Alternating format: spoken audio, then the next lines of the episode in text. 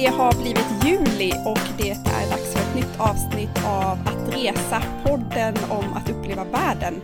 Med mig Annika Myre, den här gången från Sturkö, min paradisö i Karlskrona skärgård. Och eh, med mig från Halmstad, på andra sidan Sverige nästan får man väl säga, har vi Lisa Falåker. Hej Lisa! Hej! Och vi är ju konstant utspridda och eh, som du sa så är det juli när vi spelar in det här så att både du och jag är ju ute på våra traditionella sommarturnéer kan man säga. Jag ska inte säga traditionella, men sommar, semester, åka runt och hänga på härliga ställen och träffa vänner och släkt och ja, men det är härligt. Så att precis som du sa, jag är i Halmstad och sitter i mina svärföräldrars eh, stuga och eh, i ett sovrum här och poddar och har dragit mig undan från familjen i en liten stund. Ganska skönt det också. Ja, jag hade själv en batalj med min yngsta dotter. Jag har skuffat iväg de andra barnen upp till ett annat hus. Eller vi har flera byggnader här på, på vårt sommarställe. Ett hus där jag har bunkrat upp med dator och eh, vatten och eh, massa tekniska prylar och så de andra får vara någon annanstans. Och utanför har jag världens finaste solnedgång. Så jag har riktigt bra kuliss för detta avsnittet. Ja men det låter härligt. Jag har inte ens eh, uppdragit i fönstret här för att jag tänker att ljudet ska studsa lite mindre. Det är ju sånt som är lite svårt när man är på nya ställen, att det blir lite mindre ombonat och eh, poddstudiomässigt än vad det vanligtvis är. Men det, det får man ta, för nu är vi på lite resande fot. Och idag ska vi prata om ett nytt uttryck egentligen, eller resor och lite tips inom ramen för ett specifikt uttryck som är soft adventure. Ja, vi gillar ju det här med trendspaningar och plocka upp nya Mm, nya begrepp och nya tankar om, jag vet inte om vi kan kalla det här för nya, men för mig var det ett helt nytt begrepp som jag inte har hört talas om. Och det var ju i samband med att du och jag, Lisa, för en gång skulle vara nu på samma ställe, för vi var ganska nyligen i Karlstad i samarbete med Visit Karlstad för att se vad de hade att erbjuda i aktivitetsväg. Ja, precis. När de kontaktade oss och eh, frågade om vi var intresserade av att åka till Karlstad och se vad de har eh, att erbjuda, så sa vi ganska direkt att ja, men Karlstad känner vi bra till från en specifik vinkel och det är att resa aktivt. Vi pratar ju mycket om det att resa aktivt och ut och röra på sig och att få större upplevelser genom att man gör aktiva saker eller aktiva inslag. Därmed inte sagt att det är vandringar i jättemånga dagar eller extrem äventyr utan mer så här, ja men du vet, lite light och ut och röra på sig och uppleva omgivningarna. Det vet vi om Karlstad just för att vi har bekanta därifrån och framförallt en tjej som heter Ida som förut hade en träningsblogg som heter Alla kan träna. Och hon körde mycket så här med paddling och löpning och cykling och så vidare i Karlstad med omnejd, så det ville ju vi göra. Och så var det en guide som heter Jerry som tog oss med på en fantastisk paddling. Vi får prata mer om det förstås.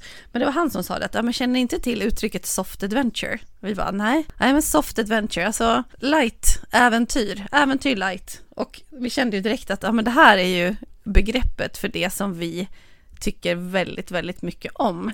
Jag har alltid svårt för när man tar ett begrepp och gör det till någonting annat, alltså äventyr och sen så vad som helst kan vara äventyr, även om jag på ett sätt tycker det att det inte behöver vara så himla hardcore. Eh, men i det här fallet så känner jag att det blev att boxas in i ett uttryck, ett eget uttryck som passar väldigt, väldigt bra. Jo, men det var så när vi pratade med han Jerry, eh, så sa vi att ja, men vi är här för att cykla, vi paddlar och vi, vi springer och han bara, mm, just det, det är soft adventure ni håller på med. Ni vill alltså inte skada er, ni vill inte ha extremsporter men ni vill ändå röra er. Och vi var ja, jo men vi är sådana soft adventure tjejer. För egen del så kände jag ju till Karlstad en hel del, för jag var ju där i höstas för att skriva om Resfredags svenska pärlor och fick då en helt annan sida av Karlstad. Det var november och jag gick all in på kultur. Jag var på utställningar på museum, kollade på Lars Lerins berömda utställning på Sandgrund, en fantastisk konstnär som har blivit känd för hela svenska folket senaste tiden. Men den här gången var det verkligen ett annat typ av Karlstad som jag fick uppleva tillsammans med dig och eh, vi hade ju jättefina dagar där ute. Ja, verkligen. Nu hade vi ju fantastiskt väder också. Det kan man ju inte alltid säga att man ska ha för att få de här upplevelserna och jag har ju varit på många ställen i fjällvärlden och inte alltid haft helt fantastiskt väder. Till exempel var jag uppe och sprang på, inte Kungsleden utan Drottningleden nära Hemavan för ett par år sedan är det väl nu. Och eh, just en dag när vi skulle eh, åka helikopter upp på bergen, eh, eller ut i fjällen och sen springa tillbaka ner till Hemavanby så spöregnade det rakt igenom.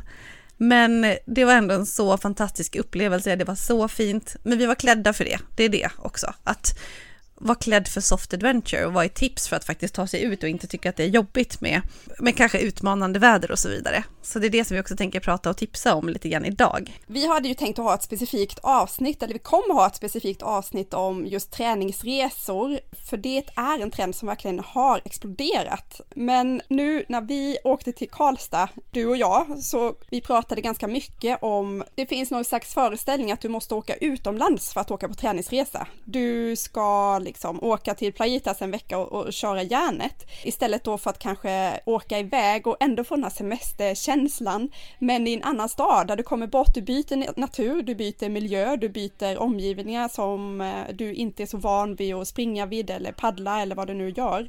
Och det var ju precis det som vi fick göra i Karlstad, att komma till ett nytt sammanhang och uppleva naturen och se vad de hade att erbjuda i aktivitetsväg och vi hade ju lite föreställningar om vad vi kunde förvänta oss. Men det var ju ändå någonting helt nytt för oss.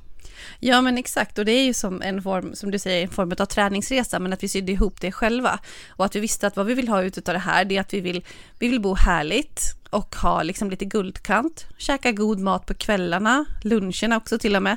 Men vi vill röra på oss och vi vill eh, ha ja, men vackra naturupplevelser men vi vill också kämpa lite för dem och vi vill få de här starka upplevelserna som man får när man faktiskt utmanar sig lite grann. Och för mig var det ju att utmana sig just att vara ute och paddla kajak.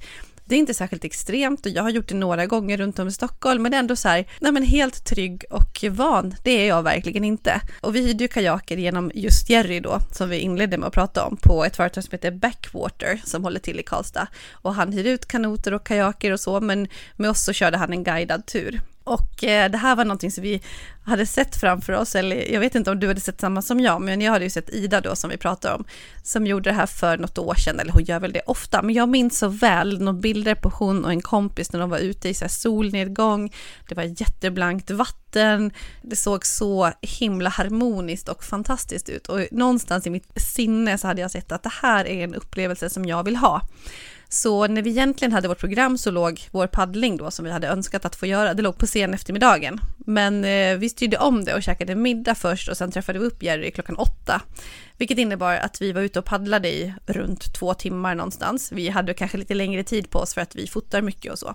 Men i alla fall så var vi ute ett par timmar och det var så spegelblankt och så vackert. Det var, ja oh men herregud. Eh, Klarälven går ju i Karlstad och det var den som vi paddlade på och som var så här blank och fin och sen ligger ju Karlstad och vid Vänern jättevackert vid vattenläge där. Jag har liksom inte tänkt på hur mycket vatten det är inne i stan så. Så vi var i deras stadspark Mariebergsskogen och där stoppade vi ner kajakerna jättefina glasfiberkajaker och sen så paddlade vi ut och körde ganska länge i mitt tycke. Som sagt spegelblankt, solen gick ner och jag kände hur jag befann mig i den här drömmen, i den här ja, drömbilden som jag har haft sedan jag såg något liknande hos Ida första gången. Det var för mig så oerhört mäktigt och jag fick sån mersmak av det. Ja, det var häftigt. Jag vet att vi hade kommit ut och paddlat ett tag. Du bara kollade på mig och sa, men vi är här i målbilden, det var det här vi såg framför oss. Ja. Nej men det var ju som sagt, vi fick en fantastisk kväll. Det var en solnedgång som gick ner och det var skiftade i alla färger på himlen och vattnet var helt spegelblankt. Man kände sig som med så ett med naturen och det simmade förbi någon bäver framför oss som plaskade ja. i vattnet och vi var så här. Ja men verkligen, jag kände mig som en sån stadstjej, vilket jag egentligen inte är. Jag är ju från, från Dalarna liksom, men just när det började plaska i vattnet och så här oerhört. Och där jag kommer ifrån, då är det så här, vad är det där? Gammelgäddan liksom. Det var ju oh. gammal vak från min barndom, jag kan inte, ha ingenting att referera till. Och så hände det ett par gånger och en gång då så såg vi att det var någonting som hoppade från ett träd och då börjar man ju fatta att det här är någonting annat som jag förstod fortfarande inte. Och sen dök den där bävern upp och bara simmade rakt över framför våra kajaker från ena sidan av floden eller älven till den andra. Vad då du sa, gör inga svallvågor för jag är nybörjare i kajaken, snälla ja. bäver. ja men det var ju för att du var så schysst och det första du sa när vi satte oss i dem där sa, det här är inga nybörjarkajaker, de här kan man trilla i. Va, tack ja, men eh, bäven, vi höll oss eh, flytande, men vi sa ju till Jerry att han borde kalla det här för eh, safari-kajak istället. Ja, för att gången innan när de varit ute och paddlat så hade det kommit en stor älg och simmat över. Precis framför dem hade det bara kommit en älg och simmat över. Så eh, ja. det blir ju en väldigt exotisk safari för de som inte är så vana och se djur komma simmande framför Alltså jag är sjukt glad att jag slapp se en älg komma simmande, då tror jag att jag hade blivit nervös på riktigt.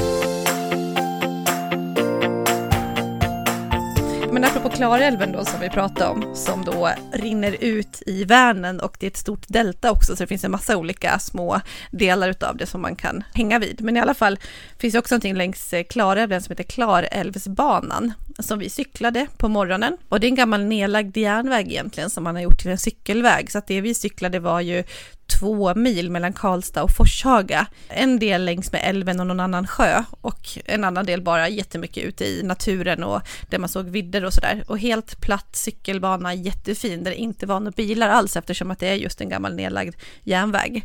Ja, och vi cyklade ju som sagt två mil, men hela den här leden är egentligen mycket längre. Den är upp till, eh, ja men drygt 20 mil som man kan cykla på just den här leden. Och huvudsakligen då utan att det är några bilar överhuvudtaget. Och vår anhalten var då två mil till Forshaga där vi blev upphämtade igen och eh, faktiskt tog bilen tillbaka till stan för att fortsätta och hinna med vårt fullspäckade schema med att springa. För att efter vi kom tillbaka till eh, centrum igen och käkade lunch och sådär, då eh, tog vi båtbussen ut till Mariebergsskogen. Och båtbussen det är alltså en eh, båt som åker omkring och tar runt folk som en buss på sommarhalvåret. Jättehärlig tur på drygt en halvtimme från centrum ut till Mariebergsskogen då, som är den här stadsparken som Lisa nämnde innan, som är, ja men vi som bor i Stockholm kan väl kalla den för någon slags blandning mellan Skansen och eh, Djurgården. Ja men precis, lite mindre men eh, fin natur, vattennära, eh, ligger massa sådana här gamla kulturbyggnader runt om där. Och eh, lite djur, stor lekpark, finns det så här naturrum, museum och ja, väldigt mycket samlat på liten yta och också lite motionsspår. Och där finns också möjlighet att eh, spela minigolf och eh, beachvolleyboll såg vi också folk som höll på med. Annars är det någonting som heter Skutberget som är jättekänt just för sina springleder och där kan man också köra mountainbike och lite sådär. Så det var vi lite inne på först, men sen så fastnade vi för att köra just vid eh, Mariebergsskogen. Sen har vi också PT Emma Emma Barremyr som jag brukar läsa hennes eh, härliga hälso och träningsblogg. Hon håller till på Hammarö och pratar jättemycket om det. Det finns också jättemycket spontana motionsspår runt om. För Karlstad är ju uppbyggt på öar. Det är lite som, ja men jag kände att det faktiskt inte är helt olikt Stockholm, just med att det är vatten lite överallt hela tiden. Jag tänkte också på Halmstad, det känns lite som det med så här, i Halmstad har man ju ås som flyter rakt igenom staden och så. Men det är väldigt fint, jag har inte uppfattat det riktigt när jag var där, att det är så det ser ut. För jag har varit och jobbat några gånger tidigare, men då har jag haft alldeles för lite tid, uppenbarligen. Hammarö känner jag ändå till från att eh, jag vet att Christer Sjögren bor där. Vet jag är den generationen där mina föräldrar eh, lyssnade på honom och jag vet att han bor där ute. Lokalkändis. Tal om något helt annat. Nej men det var härligt och du är ju faktiskt duktig på det där. Alltså det känns som att hela din sommar hittills, vad jag har uppfattat har varit ett enda långt soft adventure. Ja, det har blivit så, eller snarare har jag verkligen styrt det ditåt för att jag vi pratar mycket om vårt uttryck det här med vagabondform som, som vi myntade för ett tag sedan, att man vill vara i den fysiska formen, att faktiskt orka ta sig upp för en bergstopp eller bara gå ut och springa när man vill eller cykla och inte liksom hindras av sin fysiska form. Och den här sommaren har jag verkligen gjort sådana saker som jag har eh, längtat efter att göra på min semester. Eh, vi åkte upp till Åre. Vi fick ju låna din lägenhet i Åre Lisa och hade en fantastisk vistelse där tillsammans med familjen. Och hela Åre bjuder också in till de här naturupplevelserna och springa och vandra och hajka. Och direkt, alltså direkt när vi kom hem därifrån så hade jag en inbokad helg i skärgården, eh, i Stockholms skärgård på Dalarö tillsammans med mina tjejkompisar. Och då paddlade vi kajak också. Men vi övernattade, så vi tältade ut i skärgården. Vi paddlade ut på kvällen, hittade en öde ö där vi slog upp tältet och eh, sen paddlade vi hem igen på morgonen. Vi såg månen gå upp istället för du vet, solnedgång som man ofta pratar om, så var det månuppgången i, den här, i det här fallet som blev superhäftigt att se månen gå upp liksom sekund för sekund. Det var en otroligt fin eh, en fin vistelse där ute och jag känner att jag vill ha mer sånt här. Jag vill tälta mer, jag vill cykla, jag vill springa och bestiga bergstoppar och jag är så glad för att jag har fått upp ögonen för det här. Det har jag haft innan också men sommaren 2018 går verkligen i eh, i det här tecknet för soft adventure som vi snackar om. Mm. Men du, det här med tält på Dalarö, har du eget tält? Eller var det någon kompis som hade? Jag känner att vi börjar lite på scratch där i vår familj nu. Jag har gjort mycket sånt här när jag var liten. Då var det alltid kanot varje sommar som gällde och tälta och vi var ute i veckovis som jag minns det. Eller också var det fyra, fem dagar, men att jag i mitt barndomssinne upplevde det så mycket längre. Men jag är liksom uppvuxen på det sättet och med fjällvandring och sånt där. Och sen var jag totalt ointresserad i så många år tills jag själv har blivit vuxen.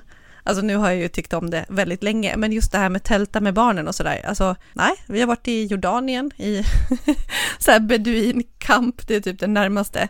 Vi ska visserligen tälta i sommar i Åre och då har jag kollat upp någonting som heter Rent a Plug, som egentligen handlar om att de hyr ut allt möjligt du kan behöva för din utevistelse. Alltså kläder, tält, sovsäckar, precis allt. Så det är ju faktiskt supersmart att man behöver inte göra de här stora investeringarna. Nej men i vårt fall så är vi faktiskt ganska välkittade. För det är precis som du så har jag hållit på mycket med sånt innan barnen kom. Det har varit en, ett långt uppehåll. Men jag och Tobias har tält och sovsäck och allting. Men vi har ju grejer för två personer. För det var ju innan barnen kom. Så det är liksom tältet är för två. Vi har två sovsäckar. Ja men allting är anpassat för, för oss som ett par. Så det var, min kompis lånade av eh, sin mamma ett tremannatält som vi slog upp och då var det också lite så här, vi, jag har varit ganska van vid att inte behöva slå upp tältet själv. Jättekonstigt, men den här gången så, så var det ju vi som fick fixa allt och det var skönt att, att känna att jag hade det i mig ändå. Det var inga konstigheter alls. Ja, men du ser, det gömmer sig en riktig friluftstjej där innerst inne. ja, men det gör det. Det gör det faktiskt. Ja. Men du, vi tänkte ju gå in lite grann på favoritkläder och utrustning för Soft Adventure.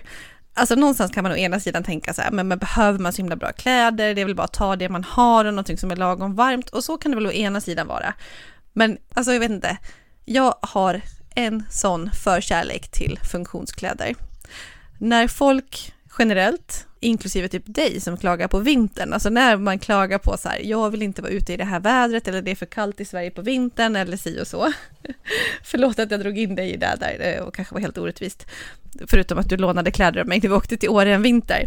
Men i alla fall, jag vill slå ett slag för att ha bra grejer för att det blir så mycket roligare om man inte fryser, inte är blöt, inte, ja men du vet, inte har skavsår.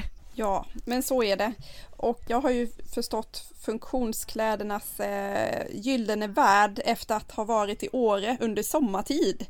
För där är det ju som att komma in i typ en Intersportbutik eller sådär. Det är folk med funktionskläder överallt. Du ser inga uppsminkade små snattor som springer runt med sina Louis Vuitton-väskor utan det är rejäla kläder, sådana som tål att det först är jättevarmt och sen blir det kallt för vädret slår om ganska snabbt uppe i de delarna av Sverige. Och eh, jag är glad att vi packade med oss bra kläder. Jag hade ju fått förvarning av dig också. Det var ju samma sak när vi var ute och tältade på Dalarö, för det blir väldigt kallt på nätterna och det gäller att ha med sig rätt grejer för att inte frysa för att då blir det inte härligt att vara ute. Och bästa sättet för att inte frysa det är att ha rätt lager närmast kroppen. Och jag säger underställ, sommar som vinter. Det är så bra att ha med sig i packningen. Eller alltså att ha på sig när man är ute och det är kallt. Jag har några olika favoriter. Alltså nu finns ju underställ på alla affärer av alla snitt. Jag gillar sådana som antingen är ganska mjuka och lite tjocka. Jag har ett från Craft som heter Craft Active som jag gillar.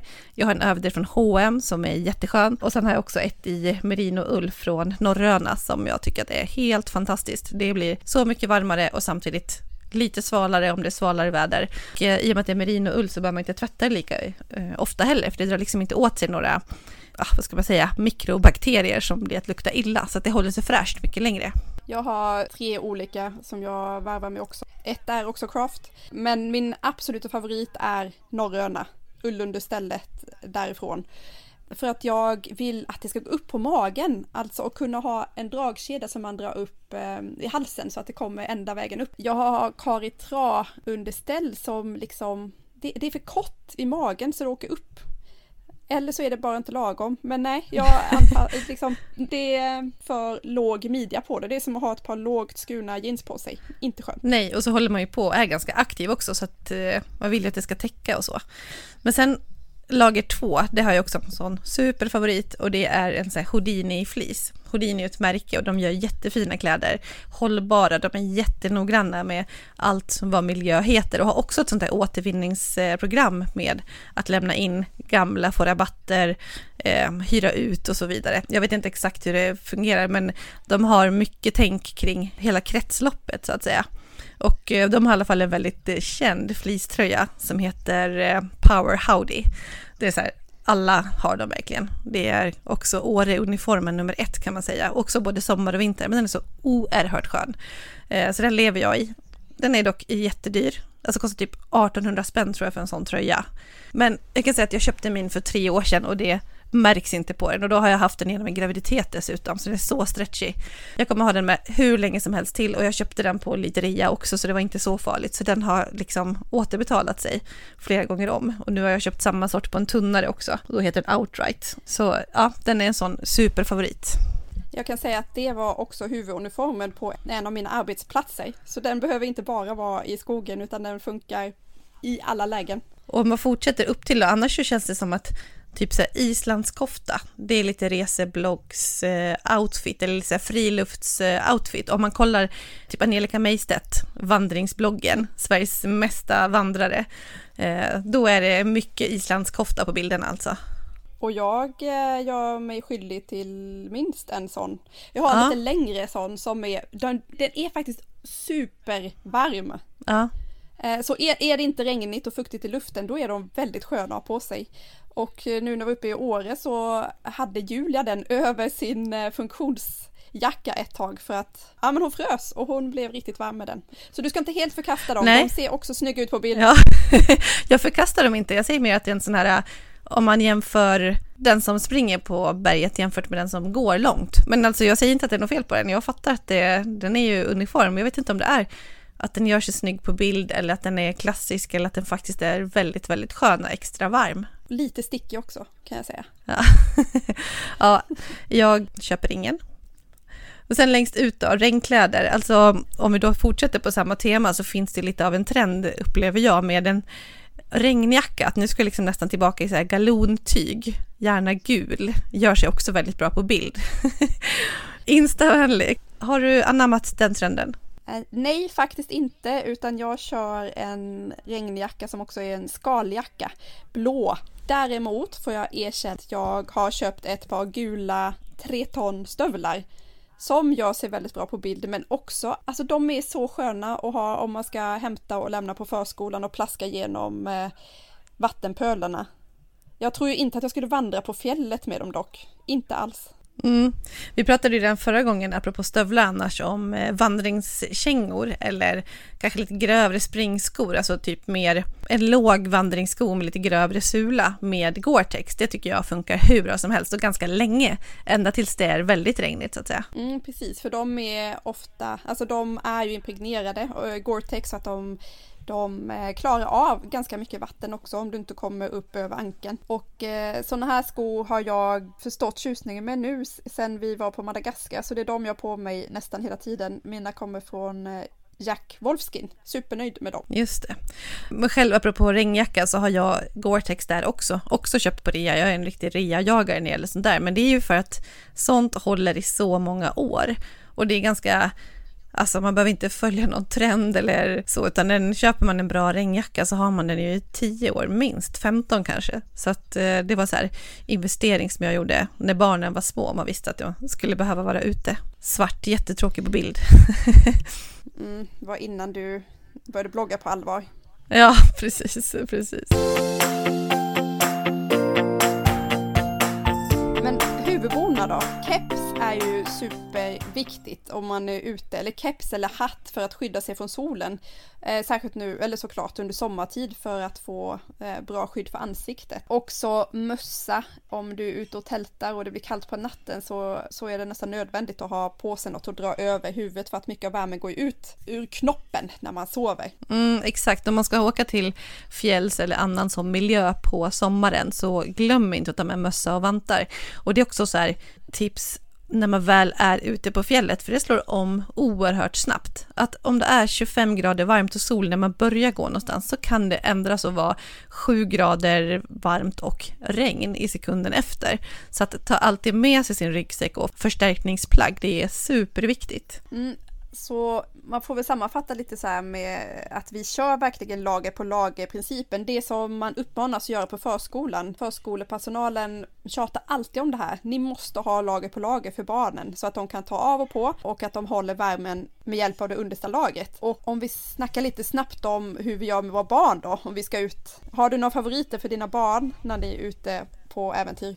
Soft adventure eller extrema äventyr vad det nu gör. Nej, faktiskt inte. Alltså det är väldigt likt oss vuxna och sen är det som du säger att det är lager på lager och just bra skalplagg. Jag har inte kört med galonbyxor när de är över typ två år, för när de är yngre och sitter i en sandlåda, men då är det en sak, men annars kommer man precis lika långt med skalbyxor och skaljacka. Det behövs inga galonkläder eller regnjackor, utan det är en riktigt bra skaljacka och skalkläder som är det absolut bästa. Vi har kört sen barnen var jättesmå Isbjörn av Sweden nästan alltid. Jag är jättenöjd med dem. Och skorna, nu har jag fått pressutskick från dem, men det är de skorna som vi har köpt tidigare också och kommer köpa. Det är Superfit. Bästa barnskorna enligt mitt tycke. Mm. Ja men samma sak där, det finns också barnskor med Gore-Tex i. Det är ju precis hur smidigt som helst att de inte alltid behöver ha stövlar på sig när det regnar. Men sen har jag en annan favorit som jag måste flika in med, för vi pratade inte någonting om byxor, men jag har ett par sådana här eh, vandringsbyxor som är så galet sköna, för det är ofta en fråga som man får, tips på bra byxor, för det kostar ganska mycket också. Jag vet att Houdini har någon som heter Motion tror jag, som också är populära. Men jag har ett par från H&M som jag har sålt in på dig också, mm. är, för de är så stretchiga och sköna, det är liksom som en vanlig bralla. Svarta, raka, finns i några andra färger också. Så de ser liksom väldigt eh, de ser inte så superfunktionsaktiga ut för mig som är lite mer soft då i den genren. Men de är så sköna och så bra. Och nu har de kommit med ett par shorts också som är, om du vet, till ovanför knät någonstans i precis samma material. Och det var de som jag fick syn på när du och jag var där på H&M tillsammans. Jag bara, men de här, de är så fantastiska. Så... Ja, och du borde, jobba, du borde jobba som säljare för att jag gick ju på det på en sekund ja. hade jag köpt dem. Ja, gillar du dem? Jättemycket. Ja. Eh, de är jättesköna. Jag gillar just som du säger att de inte är, de är liksom inte statiska utan de är lite stretchy. Mm. Så att eh, de, eh, mm, de är sköna. Jag söker dock liknande till barnen. Jag vet inte varför inte det finns åt dem, för det har jag haft jättesvårt att hitta. Så då blir det mycket att som ställa, hon kör så här tränings-tights typ och sen överdragsbyxor. Men jag har inte hittat några bra vandringsbyxor som inte är alltför dyra och som är ganska sköna. Det, det letar jag efter. Mm, vi kan ju eh, fråga om tips från er lyssnare. Har ni några bra tips så får ni höra av er. Men exakt. Och sen vad gäller överdrag där också så är det samma sak där. Att riktigt bra skalplagg är det bästa. Eh, när vi var på Island så var det, alltså jag tror att det var kanske plus fem grader, men det var strålande sol, så jag tänkte att ah, nej, men här blir det bra med underställ och ett par överdragsbyxor, ett par helt vanliga och det regnade inte eller någonting. Men jag frös så mycket om benen till och med. Det var så himla kallt. Och så gick jag till eh, bilen, vi var vid någon nationalpark och bytte till mina Gore-Tex, eh, alltså regnbyxor som också är vindtäta. Och det blev något helt annat. Det var som att jag tog på det här isolerade lagret eller det här skyddande lagret längst ute som gjorde att min naturliga kroppsvärme, den värmde upp mig helt 100%. Det var sån oerhörd skillnad. Så det är också någonting som jag bara måste poängtera, att det gör väldigt stor skillnad också med det här att det är vindtätt och andas. Och på samma tema så måste jag säga att det, det blev en revolution för mig i samband med att jag upptäckte ullstrumpor på vintern. I så många år har jag gått i tunna bomullsstrumpor, kanske dubbla lager eller tubsockar och typ frysit ihjäl. Frysit tårna av mig, men alltså ullstrumpor. Helst då, ja men sådana som andas såklart, Merin och ull är bra. Det har ju förändrat hela min, eh, mitt vinterhalvår och inte behöva gå runt och frysa. Mm faktiskt.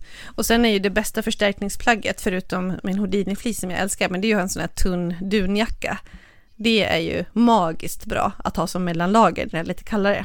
Ja, jag måste säga att eh, det låter ju lite som att eh, vi tycker nu då att ni ska gå och handla upp hela Eh, hela lagret av eh, sportbutiken och så är det ju såklart inte. Vi måste ju påpeka det att det, du kan få en jättehärlig upplevelse utan att köpa loss allt du ser.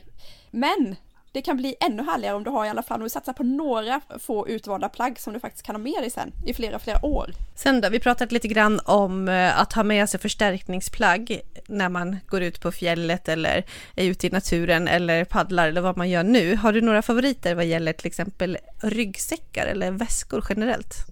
Ja, jag får börja med att ge ett litet hyllningstal till min eh, allra första ryggsäck som har följt med mig runt jorden på jorden runt-resor och alla möjliga ställen och det var en eh, Haglövsväska som jag köpte. Jag fick en julklapp tror jag, mina föräldrar första året på gymnasiet.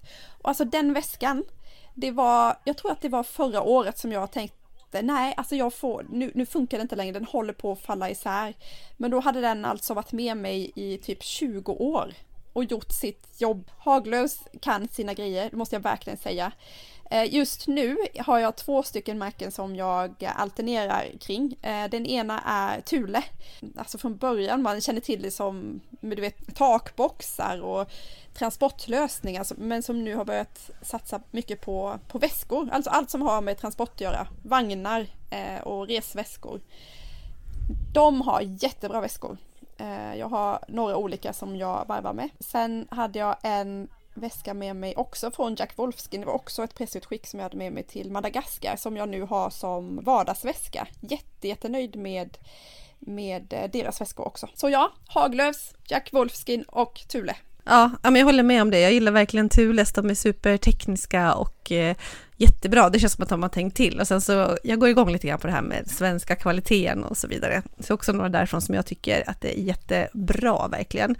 Och jag har precis som du en gammal Haglöfs från gymnasiet. Som, eh, den ligger faktiskt fortfarande kvar i förrådet. För att de första långresorna jag gjorde så satt, så satte jag fast flaggor på dem.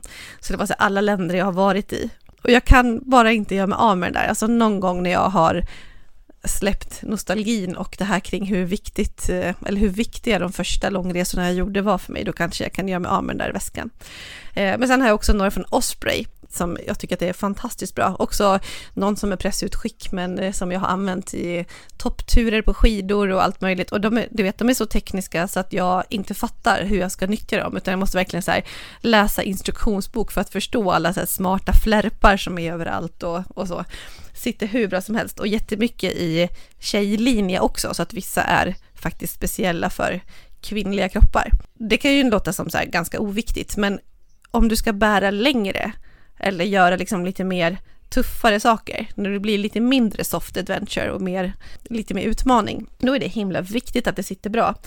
Jag vet inte om du vet, men apropå att du sa intersport innan, där jobbar jag hela gymnasiet och lite efter det också, jobbade extra och jättelänge och jag gick alltid igång när det kom någon till friluftsavdelningen och skulle ha hjälp. Jag tyckte det var så kul, apropå att vara säljare, men att sälja ryggsäckar och det var så mycket som han, handlade om att det skulle passa bra och sitta i rätt längd på ryggen för att man måste se till att höftbälte och så vidare sitter rätt för att du ska kunna nyttja din kraft på rätt sätt. Man vill inte gå och bära en tung rygga bara på axlarna, liksom. det funkar inte, utan du måste använda höftbältet för avlastningen. Det är viktigt att eh, vill ha någon större eller ska bära tyngre, så prova för att få någon som sitter bra. Och det kan ju folk på, på friluftsaffärerna och eh, sportaffärerna ska kunna. Och jag tycker om man ska satsa på en lite mindre ryggsäck som du ska kunna, ja men som du har på dina äventyr ut i naturen så ta med fördel någon som du tycker om att ha i vardagen också. Mina ryggsäckar som jag har när jag är ute kan jag lika gärna ha på möten med mig till stan eller till eh, ut med kompisarna. Det behöver ju inte vara en specialryggsäck för varje tillfälle utan det finns ju sådana idag som man kan ha eh, som passar överallt, lika bra på stan. Mm, verkligen. Sen är det någonting annat som jag alltid har med mig, det är jag säger. Eller jag ska inte säga flippbält, det är inte min favorit på det här, men, eh, eller jo, jag gillar dem också, men det är inte superfavorit. Men just att ha någon enklare midjeväska. För att om jag bara går ut och tar en lång promenad eller eh, liksom ska upp på fjället, så jag, jag tycker att det är himla bra att ha nycklar och mobiltelefoner och viktigaste sakerna väldigt nära så att jag alltid har dem på mig och att det är lätt att ge sig iväg. Så det är en sån här, alltid med i min packning, en liten midjeväska eller sånt Flippbält. Har du någonting som alltid finns med i din väska som inte är prylar, Lisa? Alltså typ eh, bars eller nötter eller choklad eller om du ska ut och, och vandra ett par timmar, inte sådana extrema vandringar utan bara behöver lite energi, vad brukar du ta med dig då i ditt flippbälte eller din lilla ryggsäck? Ja, men jag är ganska dålig på det faktiskt för att jag är lite mer spontan utav mig och så. Men just det här med bars, alltså typ proteinbar eller mellanmålsbar eller vad man ska säga, de tycker jag är superbra. De är så smidiga att ha med sig och de är inte gamla heller. Det brukar jag ha med mig, kokta ägg gillar jag, eh, nötter och eh, choklad och vatten. Vad kör du? Ja, lite i omvänd ordning. Jag börjar med chokladen och sen ja. så ligger proteinbarerna ligger längst ner. Jag tycker det, alltså det är svårt att få en bra smak. De har blivit bättre och bättre, men det, det finns riktigt, riktigt, riktigt otäcka sådana som bara smakar konstgjort. Men jag vet ju att det kommer fler och fler bättre. Jag gillar de som är lite blandad, typ med nötter och russin och yoghurt. Vad heter de? Sådana natur... Eh, ja, jag kommer inte på, men det finns, eh, det finns bra alternativ idag. Eh, och det kommer allt fler på marknaden. Ja men verkligen, och det var ju faktiskt du som hade med det när vi var i Karlstad. Till min lycka och bara ville ha det här för att det, det behövdes ju fylla på. Ja, jag är bra på det. Jag är van hemifrån. Exakt. Sen ett annat tips det är ju plastpåsar att ta med några stycken påsar för att slänga skräp. Eller passa på att plogga, som man brukar säga nu, att man är ute och joggar eller rör sig i naturen, att faktiskt samla ihop lite skräp om någon annan inte har skött sig. Ja, alltså jag har ju en dotter, Nelly, som är tre år och hon började ju plogga när hon var typ ett år. Varenda gång när vi är ute, och jag skämtar inte. Alltså hon plockar upp allt skräp hon ser och vill slänga det i en soptunna. Mm. Hon, hon gillar inte att det ligger skräp, så hon, nu när vi var här på Sturkö igår så gick vi upp till affären, hon hade en hel famn full med skräp och jag har fått släppa min så här oh, hon får så mycket bakterier och basiller och smutsiga grejer och glasspinnar som andra slickat på sådär. Jag bara släppt det. Mm. Hon får gå och samla sitt skräp och så slänger vi det. Mm, jag tycker det låter som en fin insats för miljön, för det är ganska viktigt att man beter sig som man själv vill möta ett ställe, alltså lämna inte saker där. Det är någon annan som ska dit sen och naturen vill inte ha ditt skräp. Så att se till att du har utrymme i väskan att plocka med dina grejer därifrån. Har du några andra soft adventures framför dig resten av sommaren? Ja, eftersom jag nu har kört igång så vill jag ju inte sluta. Från Åre åkte vi ju faktiskt till Östersund där vi också var ute och cyklade hela familjen och var ute och gick mycket och sådär. Eh, nästa vecka så kommer jag att ha en vecka faktiskt utan barnen. De kommer vara med Tobias då och då har jag, eh, jag lobbar för att eh, jag och mina syskon ska ut och vandra här i närheten. Antingen Blekingeleden eller åka till eh, Öland och vandra. Så det är planen. Även om det bara blir en övernattning så, så kommer vi göra någonting. Själv då? Det låter ju grymt. Ja, nej men jag har inte så jättemycket sånt framför mig faktiskt. För att nu är vi ju här i Halmstad i stugan och sen ska vi vidare till eh, Stenungsund, Stora Höga, till en kompis som bor där.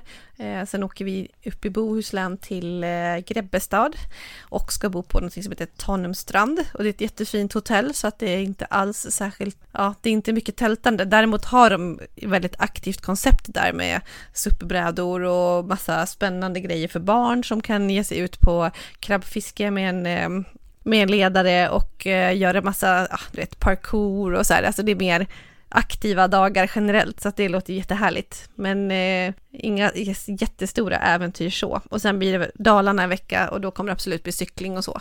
Eh, men sen är det när vi åker upp till Åre. Alltså jag drömmer ju om att göra andra grejer, jag vill ju åka upp och vara mer, alltså verkligen vandra i Abisko och så vidare. Men eh, ja, allt har sin tid och eh, mina barn är inte i en toppenålder för sådana grejer just nu. Fast jag har bekanta som tog nattåget upp till eh, mot riksgränsen Kiruna, Abisko till och eh, var ute och vandrade dagsturer med sina barn som jag tror att det är typ 8 och 10 någonstans. Så att det, det går ju verkligen att göra det. Men apropå det som du sa med kortare vandringar, alltså jag har läst delar av Angelica Meistedt, vandringsbloggens bok som heter Vandra. Superfin bok verkligen. Så är man sugen på och nyfiken på mer sådana kortare vandringar och vad det rekommenderas i utrustningsväg när man faktiskt ger sig iväg och är borta en natt eller flera skulle jag säga. Eh, men även just vilja kortare vandringar och en massa tips på olika ställen som är lättillgängliga såväl som mycket längre så tycker jag att man ska kika in på den boken. Den är verkligen fin och har supermycket tips där. Mm. Ja, den ser jag fram emot att läsa.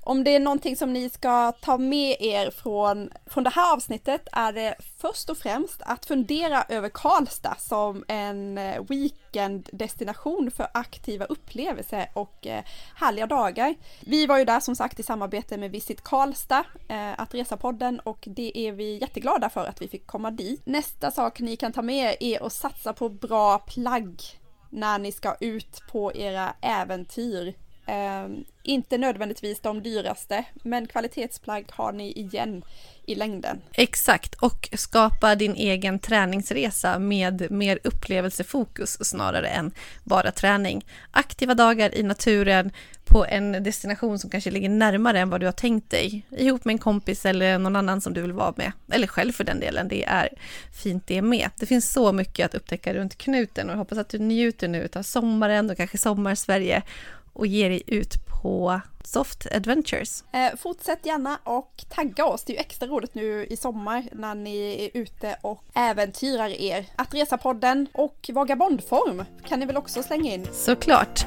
Ja, tack för idag Annika. Nu får du återgå till din solnedgång utanför fönstret på Sturkö. Det ska jag absolut göra. Vi hörs igen om ett par veckor Lisa. Ha det bra. Hej hej! Hej då! Hej då!